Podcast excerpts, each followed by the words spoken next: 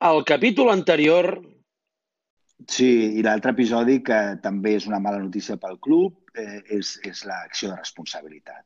O es pot interpretar com que, eh, nois, perquè jo no vull influir en res, mm, vosaltres, socis, decidiu el que creieu que és millor, però si jo em voto d'una manera o d'una altra, condicionaré el vostre vot. O sigui, això és la manera que ell va explicar eh, internament per què va actuar així. No?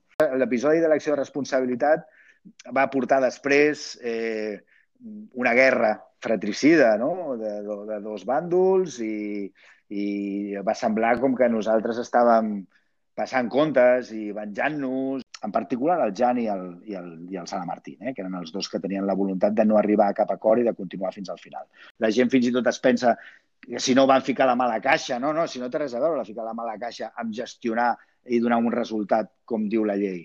Tot això va ser una mala idea. O sigui, al final el que vull dir amb tot això que t'estic explicant és que el Barça va donar en conjunt, institucionalment, una mala imatge. Si el període de gestió, en aquest cas, del senyor Bartomeu, que acaba el juliol del 2021, li passa el mateix, mm, la Junta que vindrà després estarà en la mateixa situació.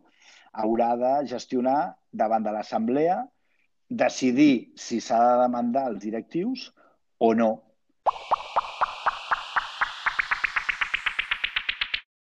Capítol 6. Puyol sí, Neymar no i Xavi més endavant. Guardiola, Xavi, Puyol, eh, no hi ha massa jugadors que semblen enfrontats amb la, amb la directiva del Barça? S'ho pot permetre el Barça quan veiem, per exemple, un club com el Bayern de Múnich, en què les seves grans llegendes eh, eh, estan eh, controlant el club, estan dirigint el club, eh, que les, les més grans llegendes recents del Barça, com Puyol, Xavi o Guardiola, semblin enfrontades amb l'entitat? No hauria de ser així. Eh, vol dir que tenim segurament responsables a la gestió del club que tenen poca mà esquerra per relacionar-se amb, amb les llegendes futbolístiques, per dir-ho així, o poca, poca capacitat de comunicació o, o poca sintonia. D'altra banda, et diré que el fet d'haver estat un grandíssim jugador mmm, i mereixer, per tant, tot aquest reconeixement com a grandíssim jugador i llegenda, no vol dir que hagis de ser un bon gestor o un bon entrenador. Tot això s'ha de demostrar. O sigui, jo, al final, l'únic jugador, l'únic grandíssim jugador que va ser un grandíssim entrenador a la història del futbol és Johan Cruyff. Segurament l'altre és Franz Beckenbauer. No n'hi ha més, eh? O sigui, ser un grandíssim jugador no vol dir ser un grandíssim entrenador. Guardiola va ser un diguéssim, no una llegenda del futbol, però sí un, un gran destacadíssim mig jugador, mig centre. un gran mig centre, un jugador de moltíssim nivell, internacional i, eh, evidentment, un grandíssim un gran jugador, i després encara va ser millor entrenador, fins al punt de ser el millor entrenador del món. O sigui que, ara, eh, o sigui, et contesto en el sentit de dir el Barça ha de cuidar les seves llegendes i ha de cuidar els seus emblemes i han d'estar al lloc que es mereixen i si no hi són problema que té el club i problema que té la, la gent que el gestiona, però compte que no li donem als emblemes altres funcions per les quals encara han de demostrar si estan preparats.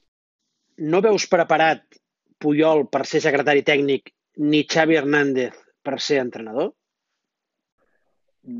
Puyol, Puyol sí que crec que té ja una experiència, el temps que ha estat bueno, de fet, va ser empleat del club un temps i la idea era aquesta, quan, amb Andoni Zubizarreta. El que passa que quan el president va cessar Andoni Zubizarreta, ell va marxar immediatament i, i jo, jo he estat parlant amb el, amb el Puy diverses vegades i, i ell crec que sí que és una persona preparada per, per, per portar la direcció esportiva del club. Crec que sí, tinc la sensació que sí per l'experiència que té. Ja fa temps que es va retirar i ha estat treballant i s'ha preparat força bé. I Xavi Hernández tot just acaba de començar ara. Jo crec que ell mateix també ho diu, no? que necessita eh, un recorregut, segurament també perquè, perquè el club eh, passin més coses i ell pugui arribar a, a liderar un projecte nou. Per tant, en el cas del Xavi no seria una qüestió tan immediata, però sí que eh, tant de bo que pugui ser com a entrenador l'excel·lent jugador que era en el sentit de que tenia el camp al seu cap Eh? Era la, la, la millor prolongació de l'entrenador en el terreny de joc, segur, per com era capaç, capaç d'ordenar els seus companys i d'ordenar el joc.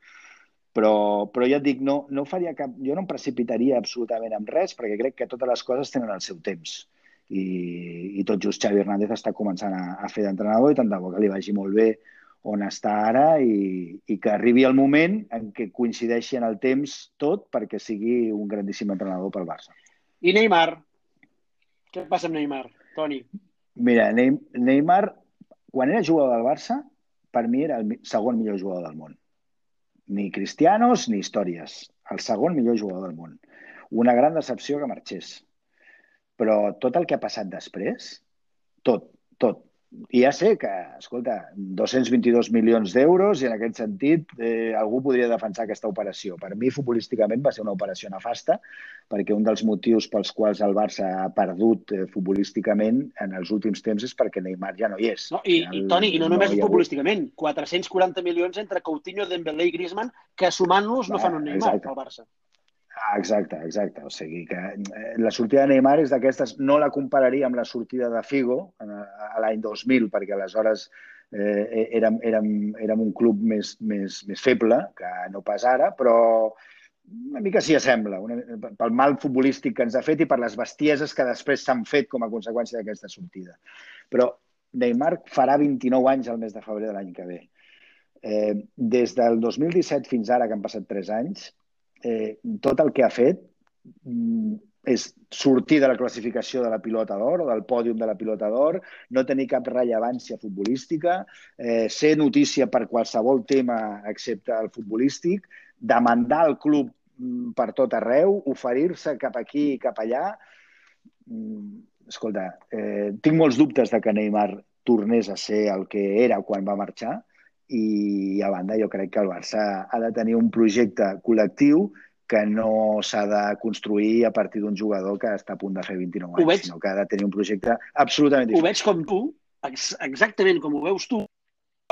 A més, tu ets un, tu ets un, un, un jugón, a tu t'agrada molt, tu ets un molt futbolero, t'agrada molt el futbol. De cop em veig eh, els partits de Neymar d'aquesta temporada, d'aquesta temporada, insisteixo, i torno a veure a un autèntic pro. El, el no, camp no, també. És a dir, el camp també. Un autèntic tro. Sí, no, les paraules que deies tu. A part que perquè està en una altra edat i en un altre moment físic, està reinventant-se cap a una altra banda. Però fora de Messi, no veig cap jugador al món, futbolísticament, superior a Neymar. Ni Mbappé, que és una altra cosa, també. Eh, estic, estic molt d'acord amb tu i, a més a més, Neymar ja ens ha demostrat que, que, que, està, que s'adapta perfectament a la nostra manera d'entendre el futbol i el futbol que a nosaltres ens agrada. No? Eh, però també tinc molts dubtes de que Neymar, si vingués, eh, fos aquell jugador que tots recordem d'una forma constant i regular. El que veiem ara de Neymar, agafa les estadístiques, agafa Transfermarkt i mira que juga el 60% dels minuts d'una temporada. Mm, aquí, a, a Barcelona, al Barça, jugar el 60% dels minuts, et maten. O, sigui, o tens un rendiment constant i, i, i, i, i destacat o és la font d'un problema. I jo no estic convençut de que Neymar pugui... No, no, que no estic convençut no vol dir que nego rotundament que passi. A lo millor sí que passa, eh? Compte, és una, una miqueta jugar-te-la. Però jo crec que al final el Barça ha de tenir un model, ha de tenir una idea col·lectiva, ha, de, ha arribat el moment de, de prendre decisions importants eh, futbolísticament parlant i, i crec que això s'ha de, de produir amb altres jugadors que no sigui Neymar i ja comprenc que no trobarem la figura decisiva, però és que jo et diria el Liverpool, campió d'Europa, quina figura decisiva té? O sigui, es, pot, es pot construir, i no, no estic dient que el futbol del Barça hagi de ser el de Jurgen Klopp, eh? Mm. però es pot fer un, un equip que funcioni a la perfecció sense necessitat de tenir una figura que sigui la que, la que desequilibra. No, no, i, i si fins i tot li pots fotre quatre gols al Barça sense els titulars. Vull dir que, exacte, que realment el de Liverpool és, un, és, un, és el, el cas paradigmàtic, és el cas més antagònic del, del Barça que estem veient els darrers anys, no? Sí, sí, absolutament. Eh, és, bueno, és que quan a vegades la gent et diu escolta, eh, eh, el Liverpool juga bé? Sí, és clar que juga bé, perquè es pensen, els que defensem eh, aquesta manera d'entendre el futbol nostre, que només comprem exacte, aquesta manera de jugar a futbol. Jo, jo pel Barça sí, només compro aquesta, perquè és la meva, és la que funciona. sempre clar. és la que sé que a la gent li agrada, és la que funciona. Ja està. Ara, altres clubs, escolta, el, el, el Pepe Bordalàs, el Getafe, mm, juga malament? home, per mi, per mi no m'agrada gens el gust futbolístic, però no li pots dir que juga malament perquè té una eficàcia brutal. Ara... És, és, és, un, és, un, és un libreto que li serveix per aconseguir l'objectiu. I el libreto que serveixi per aconseguir l'objectiu dintre del reglament, per mi és jugar. El proper capítol... O sigui, això de mm, Lautaros, Neymars i vés afegint, això el Barça no podrà fer. No t'ho creus, eh, que no? A més, la situació, no, a més a més, la situació en la que està el Barça de deute i ja deixant de banda el projecte de l'Espai Barça, que això, deixant-ho de banda, que, que, és, que és una pena deixar-ho de banda perquè realment el Barça necessita aquest projecte tant des d'un punt de vista d'imatge com des d'un punt de vista de generació d'ingressos. I jo crec que el Barça ha de tenir un lideratge absolut a la banqueta, amb una idea de joc molt clara i amb uns jugadors que responguin plenament a aquesta idea de joc, no anar a buscar el cromo de torn. O sigui, això a mi em fot dels nervis cada vegada que agafo una portada d'un diari i aquest jugador, escolta, aquest jugador és bo? Sí, és molt bo, però la pregunta no seria aquesta, la pregunta és, el necessitem?